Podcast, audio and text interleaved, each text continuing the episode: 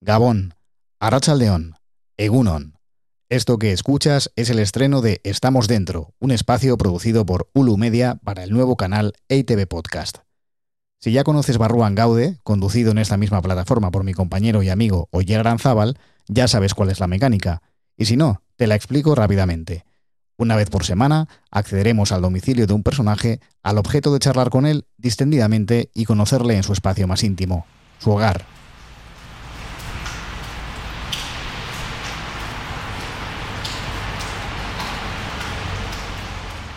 Para realizar este primer episodio viajamos a Madrid, lugar de exilio de infinidad de artistas procedentes del País Vasco. Desde primera hora de la mañana, la lluvia cae sobre la capital española y también llega hasta el patio de esta pensión cuyo portal permanece apuntalado por andamios. El tiempo y el escenario parecen directamente sacados de una película de cine negro, algo que entona a la perfección con el primer protagonista de este podcast.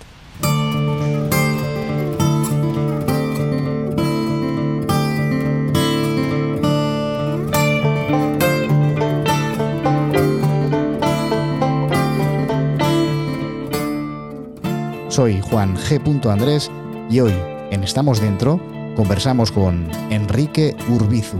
Y no sé, los cineastas, yo creo que todos sabemos que tenemos la obligación de intentar llegar a tocar un poco las pelotas. Hay que ir un poquito, como dice Bolaño, ¿cuál es la diferencia entre la buena literatura y la literatura de puta madre? Pues que la aquella camina por el abismo, la otra no. Entonces eso es una idea así que, hay que no, no conviene olvidar.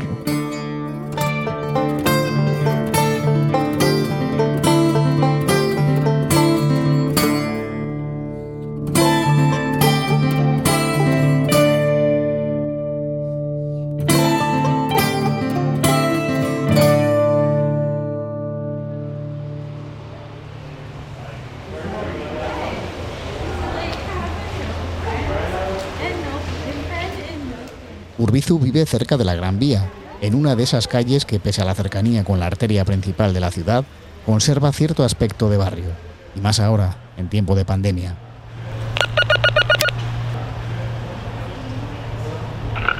Buenas. Hola Enrique. Buenas. Gracias. Pese a ser de Bilbao, lleva viviendo en Madrid más años que en Euskadi.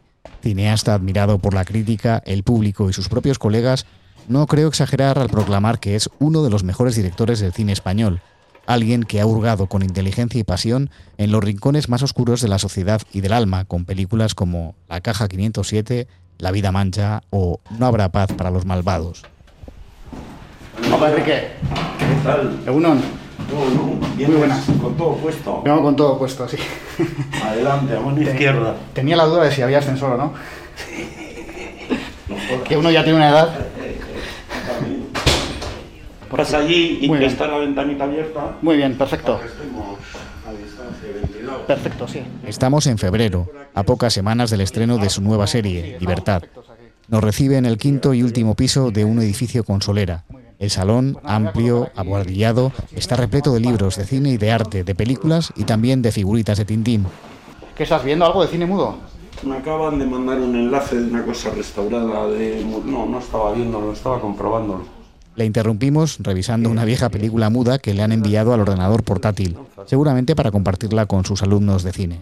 Hacen unas restauraciones que te cagas. Hostia, sí, sí, la verdad es que se ve de, se ve de cine, ¿eh? Está aniquilado. Hostia. Es la polla. La charla comienza ya. Un placer que nos hayas recibido, de verdad. Encantado. Y bueno, pues un placer que, que te ofrezcas a participar en esta charla, que como casi todas las charlas que tendremos en este podcast, eh, vamos a empezar por la infancia, ¿no? No sé si estás de acuerdo con aquello que decía Rilke, de que la infancia es la patria del, la única patria del, del hombre, ¿no? Eh, bueno, no conocía la frase de, de Rilke, o si era de Rilke, pero yo creo que sí, es la etapa. Lo que Juanito no sepa nunca lo sabrá Juan, que no sé si es de Rilke, pero. Es más castiza, pero viene a decir un poco lo mismo. ¿eh? Yo creo que está todo ahí, sí. En, eh, yo, por ejemplo, mi infancia y, y la lectura, tanto de TVOs como de enseguida también novelas, es indisociable del el descubrimiento de la vocación de cineasta.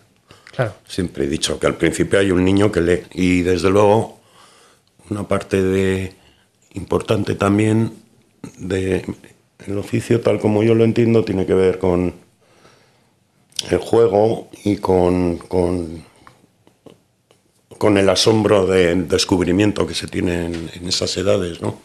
O sea, tú entras un poco en el mundo de las historias a través de la lectura. Sí, y del, eh, y del TV o la imagen también. Pero la lectura mm, muy normal para, para, quiero decir que no leía, pero sí, eh, Stevenson fue un descubrimiento muy tempranero, y Salgari y tal, y Aventuras. London, sí, cosas ya más. Jack London ya no es, y Stevenson es la polla, ¿no? No no, no, o sea, lo infantil, bueno, llámalo infantil. Sigo leyendo Tintín, que no me parece nada infantil, por cierto. la imagen y luego lo que es la novela es, es, es, un mundo para la imaginación. Ahí eso es un mundo poblado de imágenes, ¿no? Por lo menos en mí eso, como lector, era más pronunciado quizás.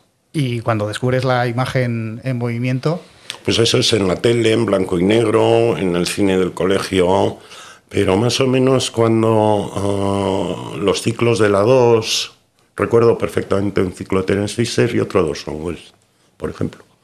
Muy, muy, muy joven. Y fue una gran escuela.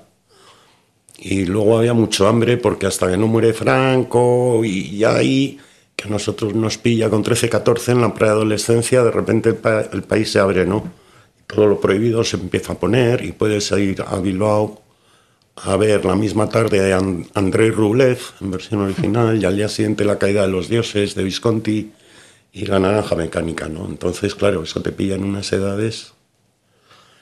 Pero la intuición de esto cómo se hace y el diálogo un poco a solas con eh, la pantalla y la fascinación por el otro lado de la cámara es, es muy tempranera y está ahí, ¿no? En las primeras pelis y, en las primeras pelis en la tele, ¿no? Que era, ya te digo, uno de los limitadísimos accesos que teníamos. Ah, cuando además la, la, televisión pública ejercía de eso, ¿no? De, de, de televisión pública. Sí, eh, estando ya más mayores, eh, Castedo metió un ciclo Raúl Walsh de 52 películas. Fíjate todas las semanas te veías un Wolf distinto. Y bueno, mmm, se irá recuperando. Se está estrenando Chaplin, tío. Ha caído la, la, gran distribución, han parado en seco, tienen un lío de cojones, las plataformas, no sé qué. Y, y, y, de repente los que pueden ir a una sala pequeña, como aquí el cine Embajadores y cosas así, van a ver a Wong Kar Wai, van a ver del Suzala sí. y están yendo a ver el chico de Chaplin. Es decir, es una, un placer gourmet ya, la sala. Y eso les debería hacer reflexionar. Acabo de leer en, en el periódico que no sé qué, qué, nueva plataforma ya te hace ella, vuelve a la televisión antigua, nada de a la carta. Olvídate del mando, lo que te pongamos nosotros. Logaritmo. Yeah. Y Netflix también quiere sacar un aleatorio que sugieren ellos, eh, mm. tus gustos, que ya lo hacen. Y entonces va a haber que salir corriendo a ver una de Buster Keaton. o de los hermanos más, que por cierto me dan la nariz que van a volver, fíjate. ¿Por qué? Les vi el otro día en la tele, los encontré muy, muy jóvenes, muy vigentes. Groucho de verdad es un tipo, sigue siendo contemporáneo ese hombre. y el mudo y tal, está bien. Por los viejos sabores, ¿no? Libertad. Ir al cine. Uh -huh. Además, ir al cine a ver algo que sabes que está de puta madre, que viste hace muchos años y que te va a devolver, ¿no? Joder, Der Suzala, tres veces la vi en Bilbao. Entonces la vuelves a ver ahora y hostias. Te da otras cosas, la, te hace recordar lo que te dio. La Madalena de Proust, ¿no? Pues sí, y vuelve a, a producir unos efectos que no habías vuelto a, a experimentar. Ese tipo de cosas, ¿no? El diálogo con, con el material conocido, ya no estás preocupado por el argumento, ni por la trama, ni tal. Es otra experiencia, ya otra relación con las películas. Y volviendo a tu infancia y a juventud, eh, bueno, tú eres un cineasta precoz, si consideramos tus como tus primeras películas, aquellas que hacías en el colegio, ¿no? En, Sí. en La Salle, con un, con un cura, ¿no? Empezaste un poco, hizo como de protector o, o de facilitador. No, era uno que sabía y le interesaba mucho el cine. ¿eh? Entonces Luis Marías y yo, que ya andábamos los dos muy locos con el ciclo de Humphrey Bogart, aquel que se estrenó en salas, y les propusimos en el colegio que si un cineclub y tal. Entonces nos dijeron que un cineclub que eso era un lío, alquilar copias, que si taquillas, uf. Eh, Juan Carlos Santamaría, que era el nombre del hermano de la Salle, que se ofrecía, bueno, se lo dijimos a él, que él se ofrecía a, a los viernes al acabar, si queríamos, una especie de cursillo. Y se hizo dos años y se hizo una práctica cada año, que fueron los primeros rodajes. Primero rodó Luis Marías en el 79 y al año siguiente yo. El ascensor y secuencia se llamaba. ¿Te acuerdas de...? ¿Los tienes, por- los tienes por algún No, no, no, aquello se quedó en el colegio y luego los Super 8 que seguimos haciendo fuera del colegio, Luis y yo, santos perdidos también. No sé, creo que por suerte. Pero bueno, eran thrillers con corbata y pistola en Bilbao o comedias de aventuras si era en verano el rodaje. Dependían, navidades, thriller, verano, al monte. Sí. Claro. Luis acabó haciendo una peli de 40 minutos. En aquella... En aquella... Dos bobinas en Super 8, sí, sí. Y eh, estudiaste publicidad, has comentado alguna vez, porque... Era lo más cercano, no había ni bellas artes, ni audiovisuales, ni Dios que lo fundó en aquel entonces. Solo podías venir a intentar la Escuela Oficial de Cine en Madrid, o que ya no sé ni si existía tampoco, pero eso no era plan ninguno. En mi casa no podíamos salir a estudiar fuera, ni, ni era un territorio de confort. Es, mm, es más, seguíamos haciendo Super 8 en la uni. Y luego ya en la uni coincidimos con Joaquín Trincao y demás, y eso ya, eso ya era más serio. Llegaste a hacer hasta bodas y Sí, sí, anuncios y todo ese sí, tipo de- bodas y mucho reportaje de máquina herramienta, granalladoras, cizallas, cortadoras de planchas, eh, fábricas de, de frigoríficos. Entonces tenías que hacer unas narrativas muy funcionales, te lo hacías todo un poco, ¿no? Llevabas dos focos, el trípode y la Omatic.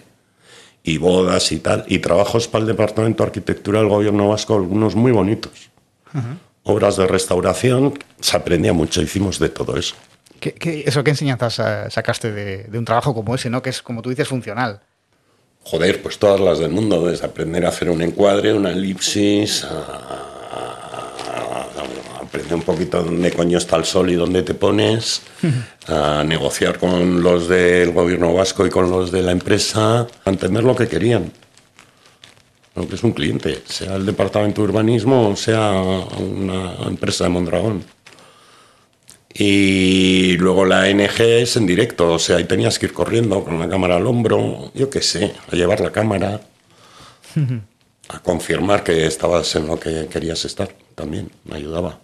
Y luego era una vía para la supervivencia y la empresa ya enseguida, Joaquín emprendió el proyecto de, de rodar ficción, teníamos el talento, Luis que era un, es un guionista estupendo, yo que no sé otra cosa que dirigir, Ana Murugarren, montadora, ahora es directora y guionista también, ambos. O sea, ahí estaba, estábamos bien reunidos, de alguna manera, y tuvimos mucha suerte.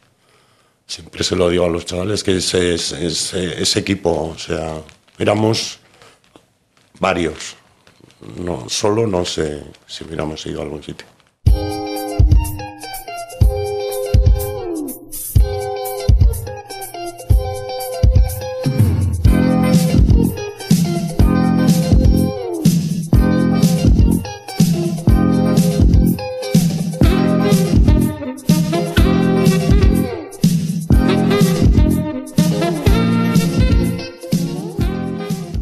Esta canción que suena de fondo de Semen Up es la que daba fin a Tu novia está loca, que es tu primera película, rodada cuando tenías veintipocos años. No sé cómo 24. recuerdas aquella... 24 años. No sé cómo recuerdas aquella experiencia y, bueno, ¿qué sientes al revisar esa película si es que la has revisado? Eh, no, no, no suelo revisar eh, así las pelis, pero alguna vez que ha caído y demás, hará años que no he visto La novia, eh, es todo muy bueno, todo muy bueno. Incluso una cosa que a priori fue mala, que es que nos quedó muy larga y hubo que mutilarla. Ahora no hubiera pasado nada, pero en aquel entonces era pecado pasar de 90 minutos. Y ahí cayeron escenas que eran muy bonitas, pero prescindibles para la trama principal y demás. Y aprendí a no tirar un metro más de celuloide en la puta vida, por ejemplo, con eso. Pero es el lugar del encuentro primero con actores profesionales maravillosos. Menudo reparto, Resines, es un repartazo. Es un repartazo, sí, sí, lo ves. eh, Un repartazo de Wyoming a la Marisa Paredes, o sea, primera peli de la Barranco. Es un. sí, sí. Sí, sí. Y luego los vascos. Y... Es difícil eh, ver esa comedia alocada de enredo, ¿no? Con, con- con este repartazo e imaginar el tipo de cine que harías. Eh, bueno, incluso el, el- el tipo de cine que harías inmediatamente después, que es todo por la pasta, que ahora hablaremos de, de ello, pero sobre todo el, el tipo de cine por el que se conoce hoy en día. a No te creas, no, eso es una cosa. Éramos mis conscientes precisamente del autoencargo, que era tu novia hasta lo que era huir un poco de lo plumbeo y del peso de la realidad política y social de- en vasca en, en toda nuestra cultura. Estábamos hasta el gorro de tarras y exiliados, con perdón, ¿sabes? Era un cine permanentemente en sí mismo en, en- en el país. Y vosotros decidís hacer una comedia absolutamente intrascendente, ¿no? En su. en su Intrascendente de alguna manera, ojo, porque acaba con una tía llevándose a dos tíos al dormitorio, por Poniéndole ejemplo. la mano en el culo a uno y a Ambos, otro. La verdad sí, es que sí, ese final no, sorprende porque es, es feminista. Eh, bueno, no sé si es feminista, Sí. pero la prota es una señora independiente con un par de huevos. Mm, O agallas, o como se diga. Como varios. Bueno, eh, una mujer val- valiente en cualquier caso. Y, y es bastante más vitriólica, ¿no? De alguna manera, la autoridad queda siempre muy deteriorada y demás. Y luego va a contrapelo de algo que luego también se puso de moda, que es la scribble comedy, el decorado de artificioso, el forillo que se ve que es forillo esa voluntad de plano secuencia, de plano abierto y de que Cante ha decorado estaba desde el inicio, ¿no? Y era arriesgadete, de su manera. Pero era una huida también del realismo, no solo en el contenido, sino en la forma. Y salió bien, funcionó, una extraña mezcla de actores de la llamada comedia madrileña con cierto chirenismo bilbaíno. Sí, y, y, bueno, nos, nos dio fe y nos permitió seguir vivos.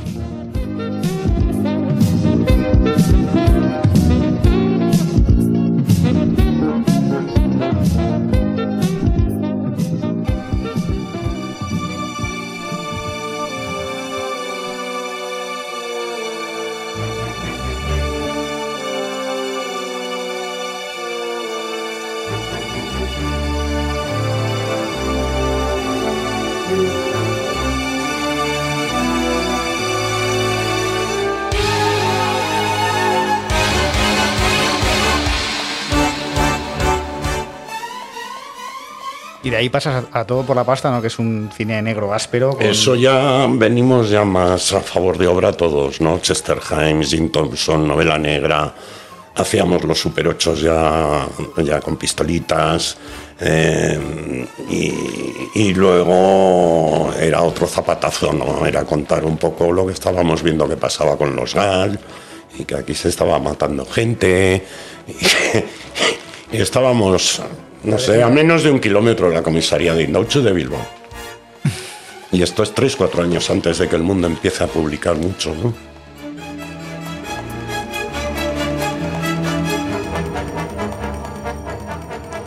Entonces, claro, mucha gente no sabía ni de qué hablaba la película cuando la vio en su fecha. Decían, "¿Pero ¿esto qué dice? Estos policías que dicen que han matado a quién. Y eh, había ahí una mezcla porque es una comedia también. Y que no es muy lejano a esa cosa por los secundarios que también tiene Luis Marías ¿no? en sus guiones.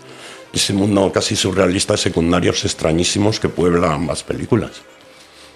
Un mundo muy particular, ¿no? De personajes, solo que estos son lumpen y los otros, pues bueno, eran burguesía, clase media. ¿no? Es una película que además eh, despertó muchas vocaciones, ¿no? Hay películas que son un poco llave, ¿no? Como un par, tres años después, creo que es, llega Alex con Acción Mutante y sobre todo El Día de la Bestia. Son películas que dan fe a los siguientes chavales de que se puede hacer todavía más tipos de cine, ¿no? que el que ellos creen que no pueden hacer en su país y tal, ¿no? Y bueno, Resines con una pistola y tal, mucha gente nos decía que de dónde íbamos, con eso que estábamos fumados, que iba, que iba a ser ridículo. Eso fue un cambio de, esquema total. y yo sabía que no iba a ser ridículo eso porque, eh, porque yo sé cómo se lleva una pipa porque, me dedico a eso desde la infancia, a mirar y a ver y a mirar y a preguntarme por qué y todo, todo se puede. Y yo estoy seguro, siempre he estado seguro que los buenos actores de comedia hacen de todo. Y eso incluye a Antonio y a Jen Hackman y a quien sea, y a Alfredo Landa y a López Vázquez. Entonces, este es un país muy de. Muy de a veces de un cabezón en eso, ¿no? Eres gracioso y eres gracioso, y solo gracioso. Y dices, bueno, no sé, pero Tony Leblanc con una navaja en un callejón igual no te hace ni puta gracia, porque tiene un encareto que igual te la mete. Manuel Alexandre, o sea, que dices, pero ¿cómo que no? Comedia y, te saca las tripas. Si quiere. Son muy buenos y, y Resines tiene un físico imponente. Has hablado de Alfredo Landa, que bueno, Garci también hizo un poco lo mismo. No sé si, si, pensaste en eso, ¿no? En el no, no, no, no. A mí me gustó mucho el crack, las dos. Y como espectador, igual que la fuga de Segovia, produjo ese efecto para nosotros joder, ha hecho una peli de presos que se escapan de puta madre, con persecución, con galería. Casi una peli de aventuras, ¿no? De alguna manera. Y luego García se marcó un pedazo thriller y te lo creías. Y lo entendías. Y captabas ese Madrid de neones y de la Gran Vía. Todo lo melancólico, lo camp, que quieras que te pueda parecer García, ¿no? Pero vamos, las vi las dos hace poco siguen estando como dos relojes. Y Fanny Pelopaja de Aranda también nos gustaba mucho. Sí.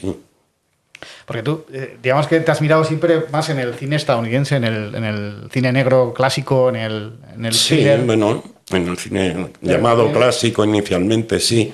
Pero enseguida descubres que el cine es muy ancho. Truffaut cayó entero. Tarkovsky desde el principio Buñuel, Berlanga, mm, la comedia, no, yo nunca le he hecho ascos eh, a la comedia española, quiero decir. No quisiera dirigir muchas más comedias, pero no es donde más cómodo estoy.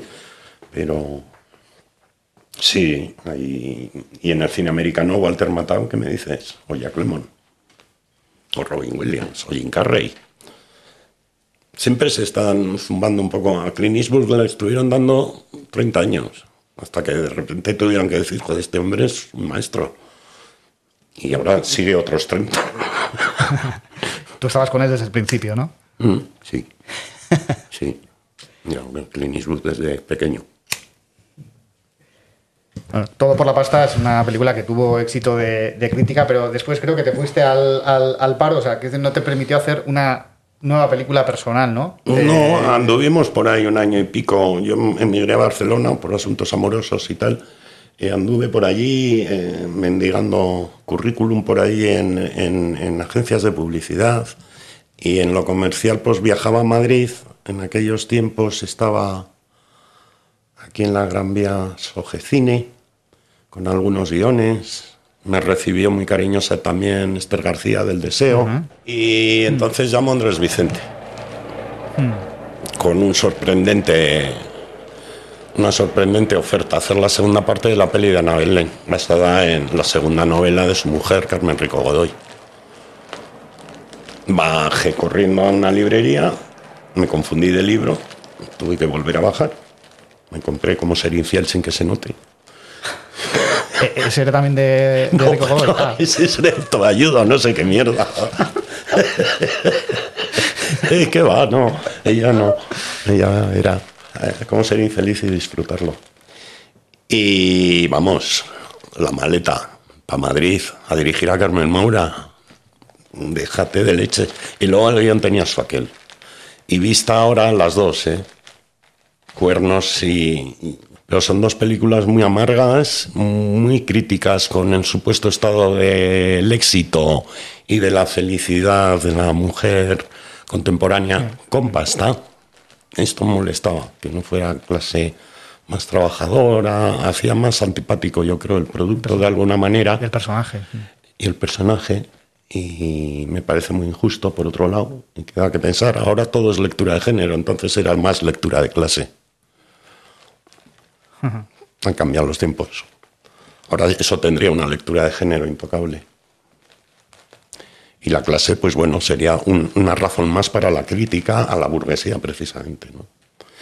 Pero a mí el meollo ahí de esa película es el vacío absoluto de ambos personajes, las dos películas.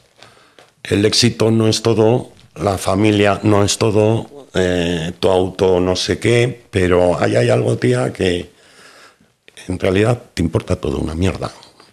El final de la película es desolador, con el cuéntame cómo te ha ido sin un amigo. La hija le enseña al nieto a Carmen Maura que mira así. Y se va. Y se va.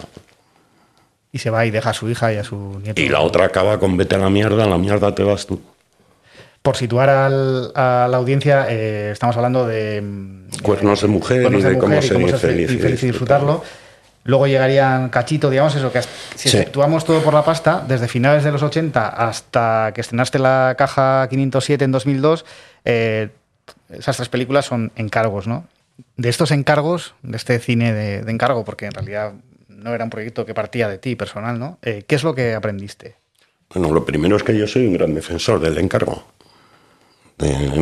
vamos, o sea, lo que estoy haciendo ahora Libertad y Gigantes no firma guion tampoco por ningún lado, lo cual no quita para que intervenga y trabajemos de puta madre con Michel y con Miguel Barros, ¿no?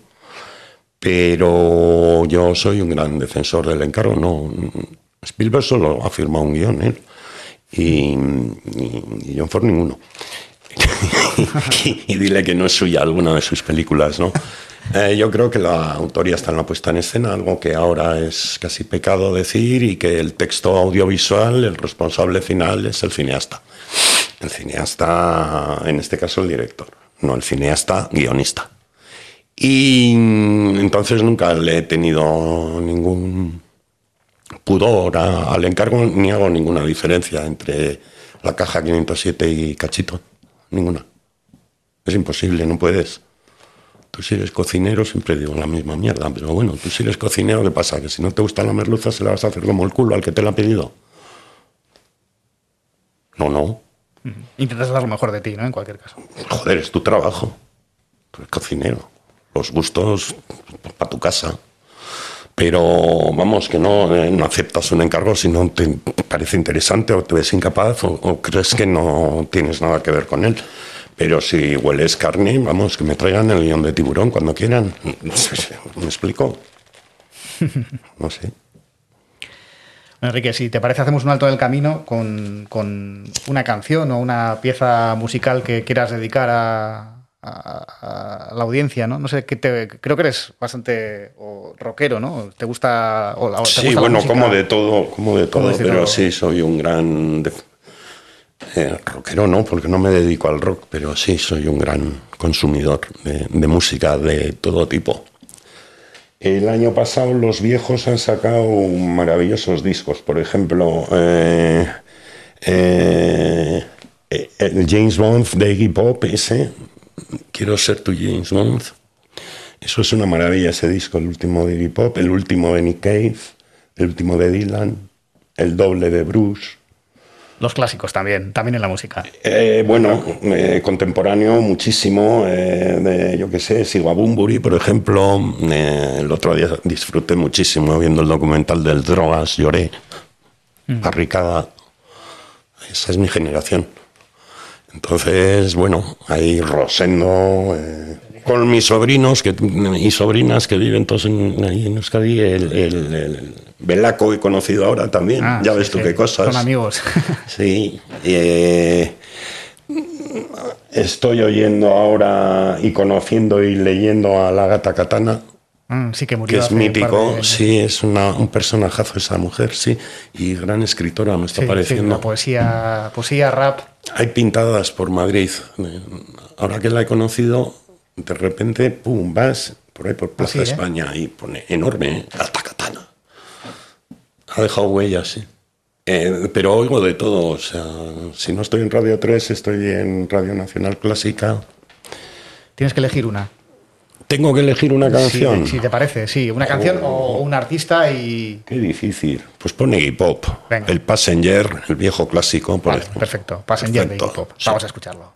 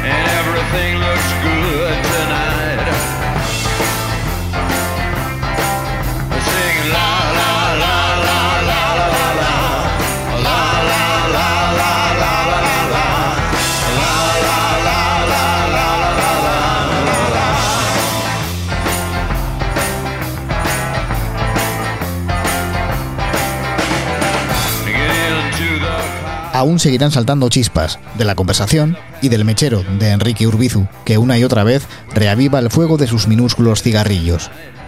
Pero llega el momento de hablar del giro que supuso en su carrera el hecho de empezar a escribir sus propios guiones y de conocer al donostiarra Michel Gazambide, su hermano de sangre cinematográfica. Michel y yo nos conocíamos de antes porque Michel es bastante responsable de mis primeros pasos o filtreos con la docencia. Mm.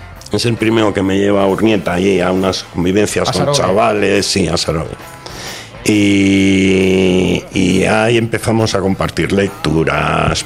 Él es poeta, Iribarren también anda por ahí, eh, Carmelo. Y, y, ya teníamos confianza. Y en un curso en Bilbao, yo le enseñé con confianza y mucha timidez el primer borrador del guion de la caja 507. Y él me pasó su guion de La vida mancha. Y yo dije, joder, qué pedazo guion. ¿Cómo se hace esto? Qué difícil es. Y, convenimos en trabajar juntos en eh, la reescritura de la caja. Y ahí empezó todo. Luego retocamos mucho menos eh, La vida mancha. Y milagrosamente Gerardo Herrero la produjo. Y fueron dos años seguidos muy, muy, nunca ha pasado tan poco tiempo entre una nunca, y otra, ¿no? Eh, nunca, una pena, una pena, porque vas sin pensártelo tanto y es muy sano. Eso lo admiro mucho, me da mucha envidia de los de, los viejos. Tres al año. Sí, eso es. En el Hollywood clásico. Sí, aquí solo Takeshi Miike ahora se lo puede permitir. Pero esa inconsciencia, ¿sabes? Esa ligereza de venga, vamos a hacer otra. Está bien cuatro años para lograr levantar un proyecto, pues cuando lo levantas dices que mi mierda es esto ya. O sea, ¿sabes? Es que mm, es una carrera de maratón esto del cine. Son, cada proyecto es mucho tiempo. Entonces, hay que dosificar. Y ahí empiezas ya a hablar de temas un poco de los que a los que ya te habías acercado en todo por la pasta, ¿no? Pues la corrupción política, moral, tu cine, vuestro cine se va volviendo cada vez más oscuro, hay menos humor. Intento que siempre hay una pincelada, pero por ejemplo, sobre todo por la pasta, pues había momentos más delirantes. Abiertamente. Y, aquí ya, o sea, a partir de, estas películas, el humor eh, prácticamente desaparece. Más desesperanza, ¿no? No sé si. Totalmente, es que em, esa parcela en la realidad no tiene ninguna gracia. Eh, la devastación que está suponiendo este país todo ese expolio de la costa, ahora se está viendo que lo hemos puesto todo en, un sitio muy frágil. Porque si tienes que cerrar la tienda ya no viene nadie y ¿qué más tienes? Entonces, claro, mm, es muy escandaloso pasar de Campo de Gibraltar a Puerto Banús. Y ahí surgió la idea de la película. En la caja. Porque los colegas con los que estaba allí, la familia Regueira, pues bueno, conocen aquello como la palma de la mano y un día nos íbamos a hacer el café a Puerto Banús, a ver qué había por allí, pero lo tal era allí abajo, en San Roque y en la línea. Y el camino entre un sitio y el otro es todo ladrillo. Y dices, este territorio tiene una peli. Por eso empieza con un mapa también. ¿no? Y las películas también se vuelven cada vez más esenciales o la, la, vida mancha es lacónica, ¿no? Sí, la vida mancha es, eh, es había que conseguir de alguna manera relacionar al espectador con lo invisible, con lo intangible, con lo no contado, con lo oculto. Cuando aparentemente no hay nada, las decisiones son muy difíciles. Si entras por la puerta con una motosierra, te tropiezas con la silla y te caes, eso es fácil de planificar. Ahora, si entras por la puerta y yo tengo que pensar que le vas a robar la mujer a tu hermano, ¿eso cómo es? Hmm. Es un poco pueril el ejemplo, pero es así.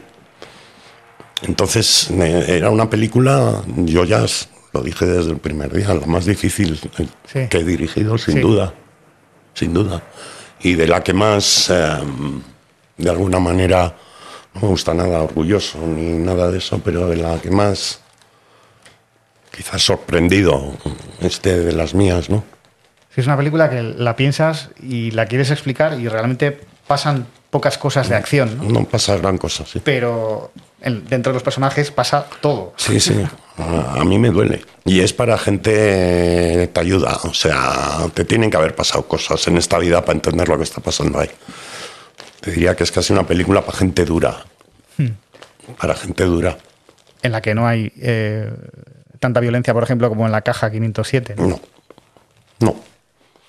Vamos a hablar de la violencia, ¿no? De cómo la escenificas tú. También, ahí también hay una depuración. De, no, no eres el clásico director que te recreas en. No me gusta nada eso, odio. Odio las payasadas violentas. No. Y no me gusta, por lo tanto, casi nada de Tarantino. Mm. No, me hace ni puta gracia machacar cabezas ni nada de eso. Jackie Chan sí, y Buster Keaton también, salvando las distancias. Quiero decir, eh, la violencia a mí me parece un tema, obviamente, ético y moral, ¿no? Como todo en el cine, por otro lado. Pero no sé, si hay algo que se merezca respeto es el tratamiento de la violencia. Por ejemplo, en la caja 507 se ven los efectos, pero poca vez se ve el impacto, la bala entrando, nada de eso. Es que te quedas con la cara del que ha disparado muchas veces, ¿no? Casi siempre. Y luego el cuerpo del que ha fallecido. Sí y a la cría también la saco de cuadro en el incendio. Eh, no habrá paz es diferente. Pero también hay mucha violencia en off, ¿no? Bueno, la primera explosión no. De hecho, hay un plano explícito apuntando a la espalda de una mujer desarmada. Y luego tampoco hay tanta hasta el final, pero es rotunda. Es, es, o sea, ahí sí revienta la cabeza. Y luego él muere mm, como un morlaco, o sea, acuchillado. fría navajazos. ¿Y por qué haces esa diferencia, por ejemplo, entre una y otra? Pues porque en ninguna de las dos quiero hacer eh, el espectáculo de la violencia como principal interés de ninguna escena, ninguna de las dos. Y porque en la caja creo que son peores las consecuencias del que aprieta el gatillo. Quiero verle la cara a José cuando dispara. Ya sé los efectos. Los he visto en todas las películas, la bala entrando y saliendo y tal y cual. Y luego hay códigos de género, ¿no? Pues por ejemplo, en Gigantes, Gigantes es violenta, violenta. Ahí no hay contemplaciones. Y sí hay un aspecto espectacularización relativa, ¿no? Relativa. Pero sí, y mucho más juego, más lúdica en ese sentido, ¿no? Las fugas, Oporto, Van, Saltan, House, es un serial. Pero una película tan sistémica, tan ética, tan, joder, moral como La Caja 507, en la que un hombre normal decide con papel y boli hacer justicia, es como más seria, ¿no? Ah, en cualquier caso, no... Ah, y es muy discutible todo esto, porque Peckinpah hace hace espectáculo con la violencia, sí. ¿Qué diferencia tiene con el de el que hemos mencionado antes? Para mí, enorme. Un interés genuino por el ser humano y un interés genuino por copiar películas divertidas y empatar que tengo yo y muchos millones. Tarantino puede ser lo que se quiera decir de él, pero mm, mm, no es exactamente un humanista. ¿Qué, hay- qué- qué otros directores te, bueno, te incomodan o te molestan o no te... Ah, no me gusta hablar de los que no me gustan, joder. Vamos a hablar de los Prefiero que- hablar de, de David. Lynch y de, yo qué sé, y de Paul Thomas Anderson y de muchos otros. Que no me gusten, pues eh, muchos, pero los veo mogollón, por ejemplo.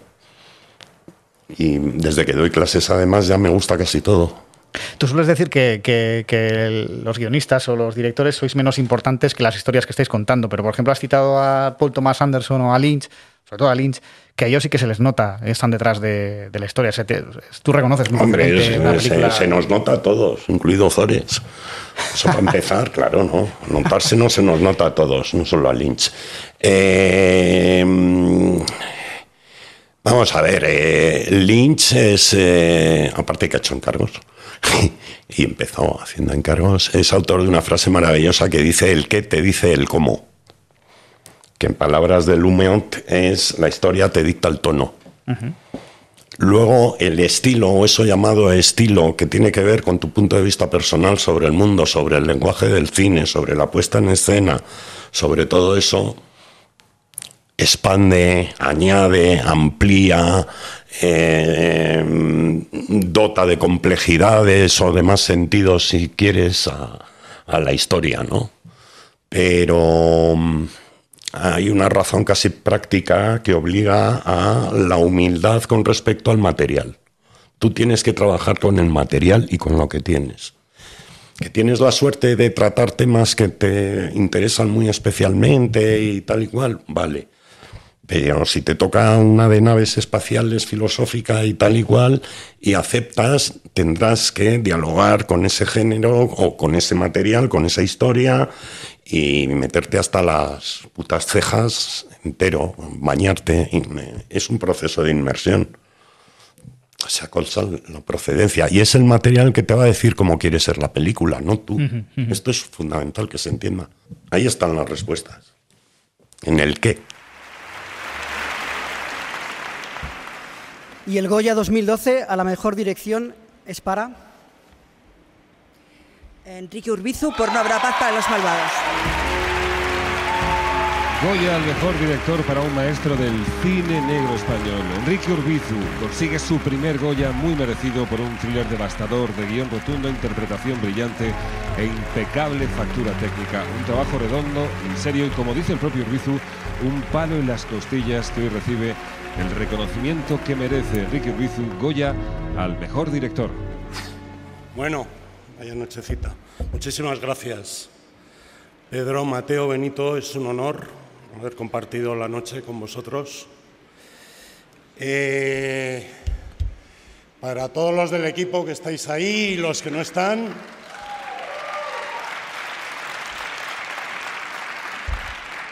y muy, muy, muy especialmente de José no, no tengo palabras, pero muy especialmente este premio he de compartirlo con todo el reparto, del primero al último actor, y eh, muy especialmente con la deliciosa Elena Miquel, sin cuya presencia, sin cuya voz, la película no sería igual.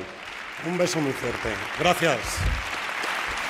Bueno, y aquí estabas tú en 2012, siendo breve y, y yendo al grano también, ¿no? Como en tus películas. De Bilbao. Eh, recogiste el, el Goya a la mejor dirección por No habrá paz para los malvados, la historia de, de- de ese villano llamado Santos Trinidad. Eh, no hemos hablado de... de, eh, Y el de guion, que se lo llevó Mitchell ah, también. bueno, claro, os podía repartir, ¿no? Ya que ganaste tú el de dirección. Claro. eh, muy bien. Tan. Y luego los productores también los suyos, ¿no? Porque fueron... Hubo ¿qué fueron? seis. Seis de, de Montaje, 14 o- sonido, sí, eran 12. o 12, 13, seis de sí. 12 o sí. No estuvo mal. vamos a hablar de, de, Santos Trinidad, ¿no? De, José Coronado, que no sé ya si es fetiche, talismán o cómo, cómo defines a, bueno, esa presencia en tu cine, ¿no? Desde, desde, desde la caja 507 y... José es importante, sí. Es hay un antes y un después, yo creo que para él también, ¿no? Cuando nos encontramos para la caja, él, eh, esa anécdota ya conocida, pero pensó que le ofrecíamos el personaje de Modesto Pardo, de Resines porque él hacía de buena gente normalmente. Sí, de galán, ¿no? Además, esa imagen de galán, seductor. Yo le tenía echado el ojo a José desde, desde Ricardo Franco, ¿no? Desde El sueño de Tánger, la peli La Pantoja la vi en los cines Ideal de Bilbao. y le había visto en teatro aquí. Y me parecía que aparte del pintón que tenía, tiene un pedazo voz, que es un cacharro de tío. Y dije, escribiendo con Michel, el personaje en los guiones originales era muy mayor, un jubilado, un guardia civil de fronteras jubilado. Y de repente descubrimos que tenía que tener una implicación personal en el asunto y que entonces tenía que tener que perder y que entonces tenía que tener una mediana edad. No podía tener 60 porque entonces ya te da igual todo y la lías. Pero es. Y entonces, pum, y dices. No, no me preguntes por qué, pero. O sea, José. ¿Lo viste? Lo vimos. Sí. Y, creo que fue un acierto porque descubrimos también juntos o, caminamos juntos por o él aceptó gozoso eh, empezar a dejar de interpretar de alguna manera, ¿no? Sino esconder. Y, y si está bien hecho eso, se te nota todo, sin que interpretes mm, en el sentido emocional de los términos, porque si la historia es sólida, el personaje es sólido, te van a empezar a entender y van a entender lo que te callas, lo que piensas casi, ¿no? Y esos son ojos y eso es una leve inflexión de voz, la manera de Bueno, y si no lo entiendes también... Eh, Espérate a que avance la película, claro. Te a preguntarte, ¿no? Que a mí es lo que más me gusta de, los personajes de Coronado, que es eh, lo que no hay y lo que tú le aportas como espectador. A mí me encantan que las pelis no lo resuelvan todo. Esto es una manía del cine comercial americana y de los productores que quieren siempre a lo largo de la historia que el espectador salga conforte, conformado, conforme del cine. Y no sé, los cineastas, yo creo que todos sabemos que tenemos la obligación de intentar llegar a tocar un poco las pelotas. Hay que ir un poquito, como dice Bolaño, ¿cuál es la diferencia entre la buena literatura y la literatura de puta madre? Pues que la aquella camina por el abismo y la otra no. Entonces eso es una idea así que, que no, no conviene olvidar.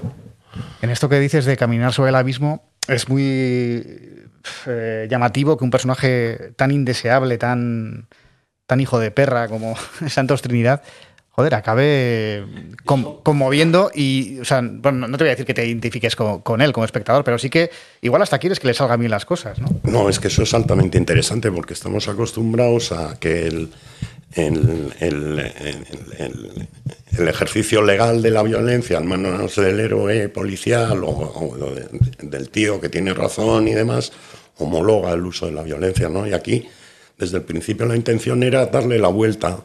Buenos lectores de Himes también, de nuevo, darle la vuelta. ¿Qué pasa si tu héroe es un hijo de puta y un asesino? Y luego pones en el otro lado a una señora impecable que hace perfectamente su trabajo y que si no es por ella estaríamos perdidos como sociedad y todo Dios, el corazón se va con el hijo de puta de la pistola. ¿Por qué? Pues esa es una gran pregunta que plantea la película. Claramente. De hecho, ella no estuvo ni nominada a actriz revelación, lo cual es. Y hace un papelón, ¿eh? Acojonante. Elena Miquel. Hace un papelón. Está impecable. Es la mitad de la película esa mujer. Sí. Y menos mal que hay gente así en el mundo. Oye, pues no, es el otro el que. Vamos todos con el hijo de perra. Sí. Ahí queda. Pero es curioso. Está para pensar y para psicoanalizarnos, ¿no? Un poco como. Bueno, y que vivimos en el puto caos. Que o te salvas de chiripa o no te salvas. Eso creo que ahora mismo está sobre la mesa, ¿no? ¿Ahora la pandemia daría para hacer una historia? ¿Tú te has imaginado algo relacionado con...? Yo estoy, así como todo el mundo, hasta los cojones de la pandemia y espero no ver a mucha gente con mascarilla en la ficción los próximos años, porque me va a seguir... No sé, esto va para largo y, quizás la ficción como refugio y como territorio más que nunca para la evasión, eh, está cobrando muchísimo valor, ¿no? Yo ahora acabo de hacer una cosa que es de época y al aire libre y realmente me parece un paraíso mm, que habitar. Mm, me lloran los ojos viendo una montaña y una nube y un caballo. Sí, eh, sí. Y creo que ahora mismo hay un gran consumo de series de época, de investigación, ritmos lentos algunas, que creo que tienen mucho que ver con el encierro este mm, terrible, ¿no? Al que está sometida la humanidad entera, además. El fin noble de la ficción, que es evadir y entretener, aparte de plantear que no vivimos en el mejor de los mundos posibles, que decía Buñuel. Pues se hará algo sobre la pandemia, evidentemente, ¿no? Pero hay que también hacer cosas sin mascarilla, por favor. Sí, gente. Eh, la pantalla ahora otro día lo hablaba con mi compi, la pantalla ahora, claro, dices, o sea, más que nunca, ¿no? El reinado de las pantallas. Vi un documental sobre el mercado central de Lisboa y es que lloras. La gente comprándose ahí la merluza, el bacalao, las naranjas, besándose, todo Dios. Claro, está hecho hace dos años. Y dices, hostia puta, ir al mercado. Ya se te ha olvidado. y ves eso ahora y se te ponen los pelos de punta. Y ahora que lo vamos a rodar, dame una merluza con la mascarilla. Joder, ya lo sé, ya me lo conozco, no sé. No tengo ni idea, ¿eh? Ni idea. Ganas seis Goyas con, con, esa, con esa película, con No habrá paz para los malvados, pero llevas diez años sin dirigir otra película. Ahí no lo tienes, ¿qué te parece? Increíble. Hay como tres o cuatro guiones, ¿no? Pasa que lo que hemos escrito Michel y yo, que no lo quiere financiar nadie. Una serie de seis capítulos, que creo que es lo mejor que hemos escrito juntos, sobre la trata de blancas, la colonia Marconi aquí en Madrid. Mm, uy, muy, ay, uh, ah, es que esto, claro, una mujer no ejercería esta violencia, no sé qué. Toma por saco. Otro guion que se llama 2014 Hijos de Puta, que estábamos casi a punto de rodar con Telecinco y al final hubo un desacuerdo con el reparto y no se pudo llegar a acuerdo. ¿De qué iba esa película? Porque ese Esa era una comedia pura y dura, transversal, de gañanes, pícaros, picaresca pura y dura, contemporánea. O sea, no se salvaba a nadie, ni el presidente de Bankia, ni el albañil último de Málaga que salía era genial, divertidísima, una especie de picaresca. Mira, antes decías que no querías eh, hacer muchas más comedias, pero... Sí, sí, 2014 era una comedia enrevesada además. Y luego escribimos Satana, oído hablar de ti, que está plenamente vigente, por desgracia, porque habla de la expansión del mal y de la absoluta inmoralidad occidental. Y bueno, esa también cuesta que la quieran hacer. Ahora no quieren correr riesgos, pero no hemos dejado de trabajar. Y luego apareció Gigantes. Y a rodar, que la vida es corta. ¿La tele es una tabla de salvación? No, la tele es trabajo. sí, pero no, por, por, suerte, yo no puedo afirmar eso en mi caso. Eh, tengo muchas ganas de hacer un largo, pero por otras razones, no por el prurito. Tengo ganas de contar una historia en 90 minutos otra vez. Sí, sí, es que creo que se alargan mucho a veces las series y dale, y tramas secundarias y tal. Y luego es un puto western de serie B o un buen thriller de 80, 90 minutos y dices, qué maravilla, qué a gusto, ya está, déjame ya en paz, me voy a hacer la cena. Y de volver a las salas, claro que sí, sí, tenemos muchas ganas de hacer un largo, pero por esta razón, ¿eh? y de escribir un largo, tienen ganas también los guionistas, ¿sabes? Pero bueno, mm, tenemos que ir con los tiempos también, ¿no? Lo importante es el cine que habite, hagas lo que hagas.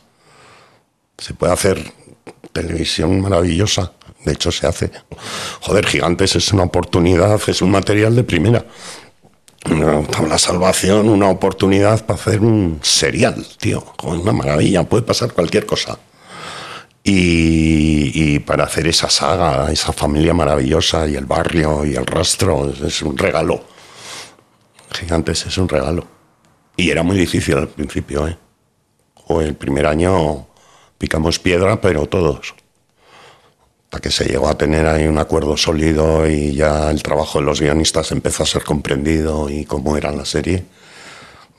había mucho riesgo también en esa serie y el reparto, con solo una cara conocida prácticamente. Pero tú si pudieras elegir, harías películas en lugar de series. No, yo, las series eh, no he distinguido mucho si son películas o no. De hecho, Libertad, estamos acabando de montar una versión largometraje para salas.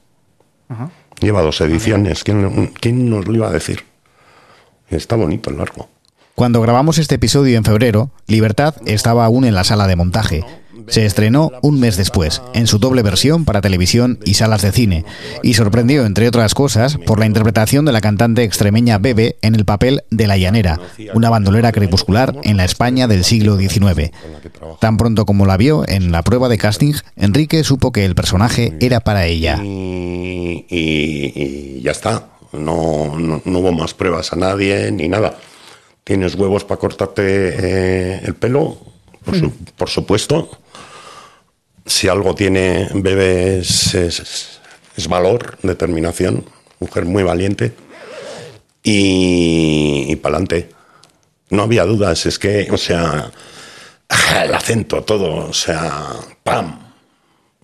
De esas cosas que dices, ya tengo a la prota. Ella hace de bandolera. Ella hace de bandolera, bueno, ella hace una bandolera que metieron en la cárcel hace 17 años, que sale con el hijo, la educa en la cárcel, que lo que quiere es largarse y no volver a sacar al hijo del clima de violencia. Que no mate. Quiere huir, pero se encuentra convertida en moneda de cambio por un plan del gobernador para acabar con dos bandas de bandoleros. Y ese es un poco el arranque. Es decir, eh, fue bandolera.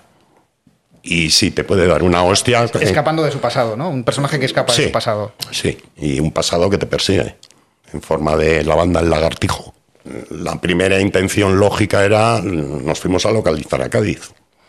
Y de repente descubrimos que íbamos a lograr muchos mejores resultados si la situábamos en un territorio mucho más, si quieres, abstracto, que es la meseta, las sierras del centro del país. Entonces pasa en ningún lugar, en algún lugar de, de España, junto a la Cañada Real y a la Calzada Real, perdón. Y, y- y entonces ya se ha vuelto como más húmeda, frío, lluvia, tiene una fisicidad, no se ve un olivo, para que te hagas una idea. Entonces está muy lejos de las referencias genéricas, ¿no? La gran Curro Jiménez, que para mí es mítica y entrañable. Pilar Miro, Mario Camus, Drobe, Romero Marchen, lo que no ha pasado por ahí. Lo que no ha pasado por ahí. Y luego, obligatoria, la mejor, sin lugar a dudas, que es Carne de Orca de Ladislao Bagdano. Pero estéticamente no hemos querido ni quedar a tomar café con el Winster ni con el cine de bandoleros anterior. Te iba a decir que me sonaba un poco también a western, lo que estabas contando. Mira, eh, en cuanto tienes un caballo y un señor en el monte, mm, lo normal es que tú pienses Western. Y yo te digo una cosa, es- el Western el que nos debe algo a nosotros, no nosotros al Western. En, en 1521 andaba ya coronado descubriendo el Gran Cañón, ¿sabes? Llegó hasta Seattle. Caballito, las botas, el sombrerito, todo el cuero, correajes, arneses. Llevamos para allá nosotros. Los indios de Ford hablan castellano. Entonces, ahí hay un viaje de ida y vuelta cultural, que es que parece que John Wayne descubrió el Gran Cañón del Colorado y no, no, no, son tres generaciones antes. Yo como espectador al Western creo que, que ha quedado más huella en No habrá paz o en La vida mancha. Es que ahí había mucho de western. Sí, señor, yo creo que en todas, pero bueno. En La vida mancha yo cuando leí al guion le dije, Michel, esto es una de vaqueros sin vaqueros. Sí, el errante que busca volver a casa, la pertenencia, raíces profundas. Raíces profundas, eso es. Sein. Y el comienzo de Centauros, que para mí también tiene una esa historia de amor más bonita de la historia del cine, ¿no? Entre John Wayne y su cuñada. Otra historia que no se ve apenas. Una mirada, como acaricia ella el gabán. Pa, pi, pero el dolor ahí se te queda. Entonces, eh, creo que eh, hay- yo no voy a hacer ascos a ninguna referencia al western. Para mí es esencial. ¿Y te gustaría hacer uno de verdad? Joder, me encantaría. pero de verdad no sé lo que es, esta es de verdad, pero no es un puto western, es gente a caballo por el monte, eso sí. Y llevan sombrero y pistola, pero no hay posmodernidad, espero, no hay no hay ese tipo de acercamiento.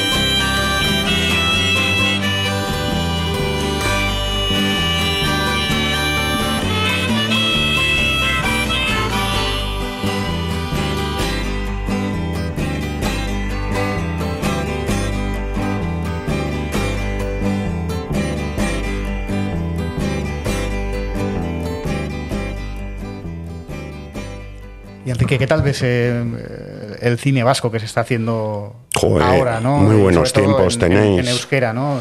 Muy buenos tiempos, sí, bueno, que sea en euskera yo creo que es determinante para que, que también esté tan, tan apoyado, ¿no?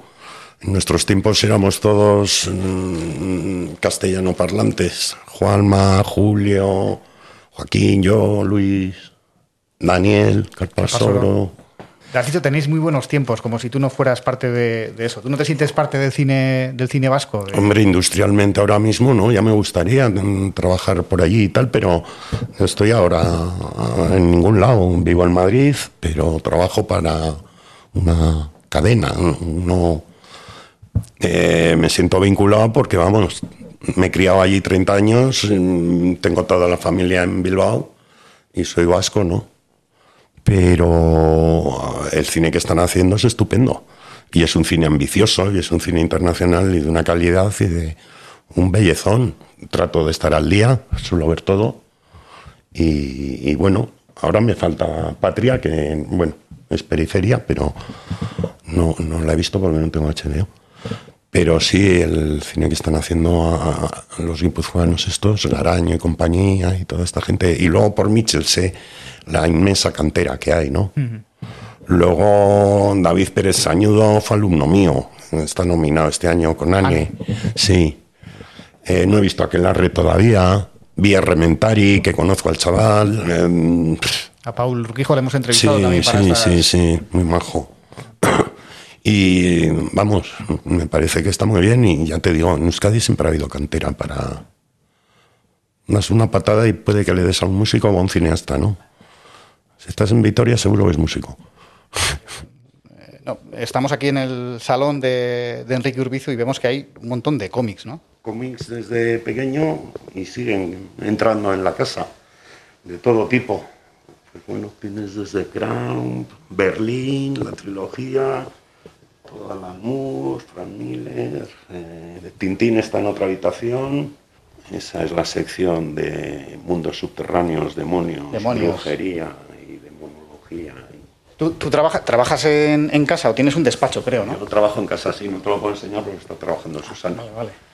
Y es donde está la mayoría de la biblioteca de cine y toda la videoteca. Tu despacho está en casa, en la propia Yo casa. suelo trabajar aquí o en la cocina, más que en el despacho. el cocina, trabajo de despacho no me sienta nada bien estar ahí quieto. Si hago alguna manualidad así y tal, no.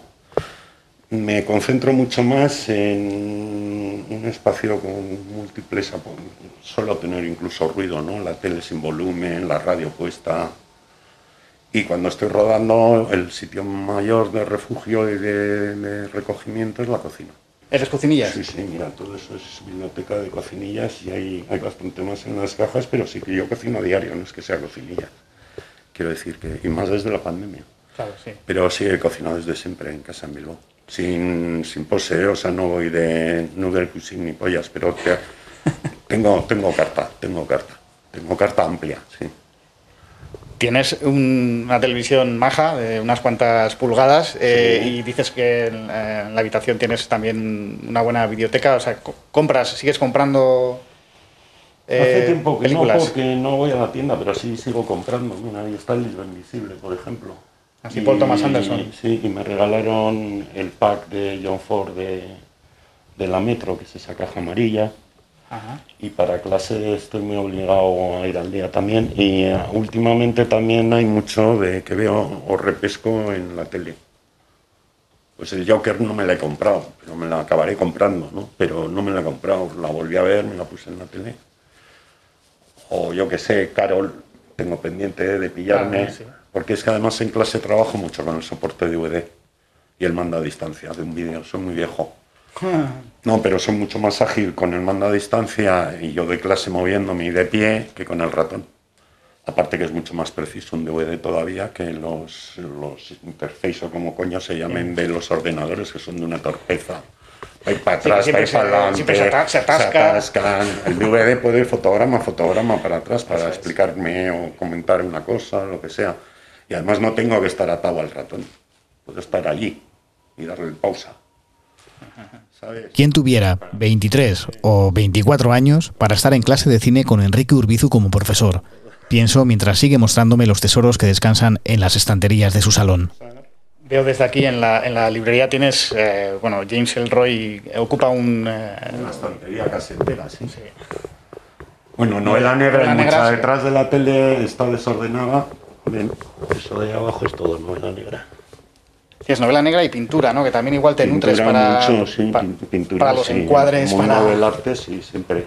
El Y Gombrich. luego todo esto es castellano, pero también está sin colocar. Y aquí tengo, pues, Alain Murnau, Buñuel Dreyer, Ford, Griffith, y aquí está Kubrick con Tarkovsky y Lynch. Vuelves a los libros de, sobre cineastas. Permanentemente, permanentemente. Ayer me trajeron dos de Einstein que no tenía nuevos, que me los han conseguido por internet.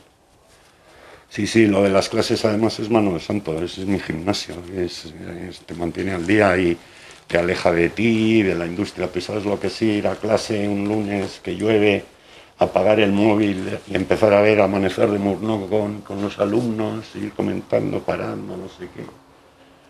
Te parece muy- una pasada, Sí, es- una suerte de la hostia. Es un planazo. Sí.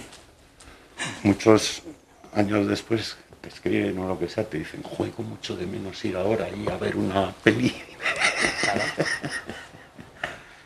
Estás en la CAM dando clases. un En poco- la ICANN continúo, ya son muchos años, sí, en, en segunda de dirección. ¿Cómo ves a los alumnos de, que tienes? Van cambiando muchísimo generaciones ya. Parece que no, pero en pocos años se notan unos perfiles muy distintos. ¿Qué es lo que más les inquieta? encontrar qué contar. Es el mayor problema que tienen año tras año los jóvenes.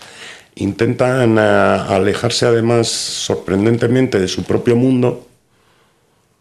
No sé si para adquirir distancia o porque quieren mostrar interés por otras cosas y tal, ¿no? La identidad es un tema recurrente de todo tipo, ¿eh?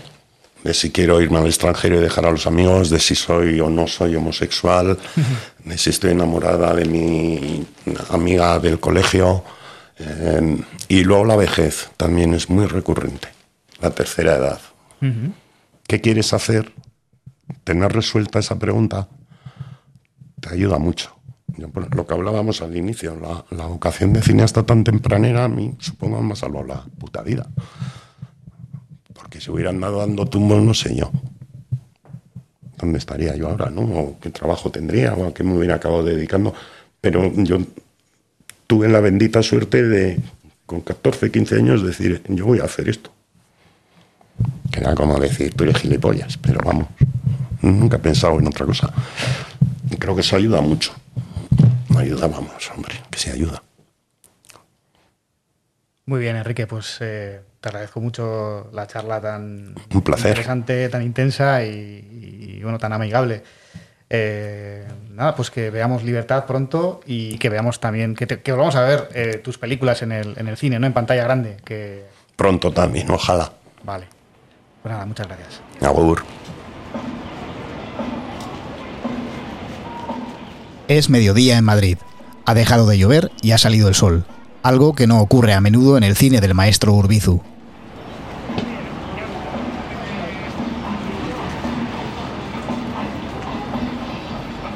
En una esquina de la Gran Vía, donde las viejas salas de cine han desaparecido engullidas por franquicias y negocios sin personalidad, un mimo de aspecto inquietante baila al son de la música de Michael Jackson.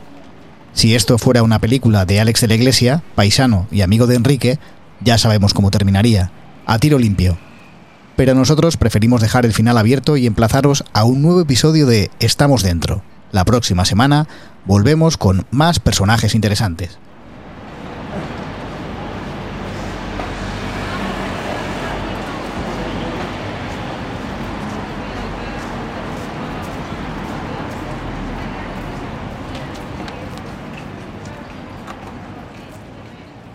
Así finaliza el primer episodio del podcast Estamos Dentro. Si te ha gustado, o al menos interesado, suscríbete en ITV Podcast o en tu plataforma de audio favorita y síguenos también en nuestras redes sociales.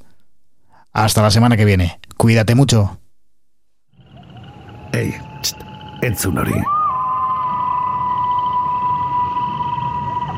Media.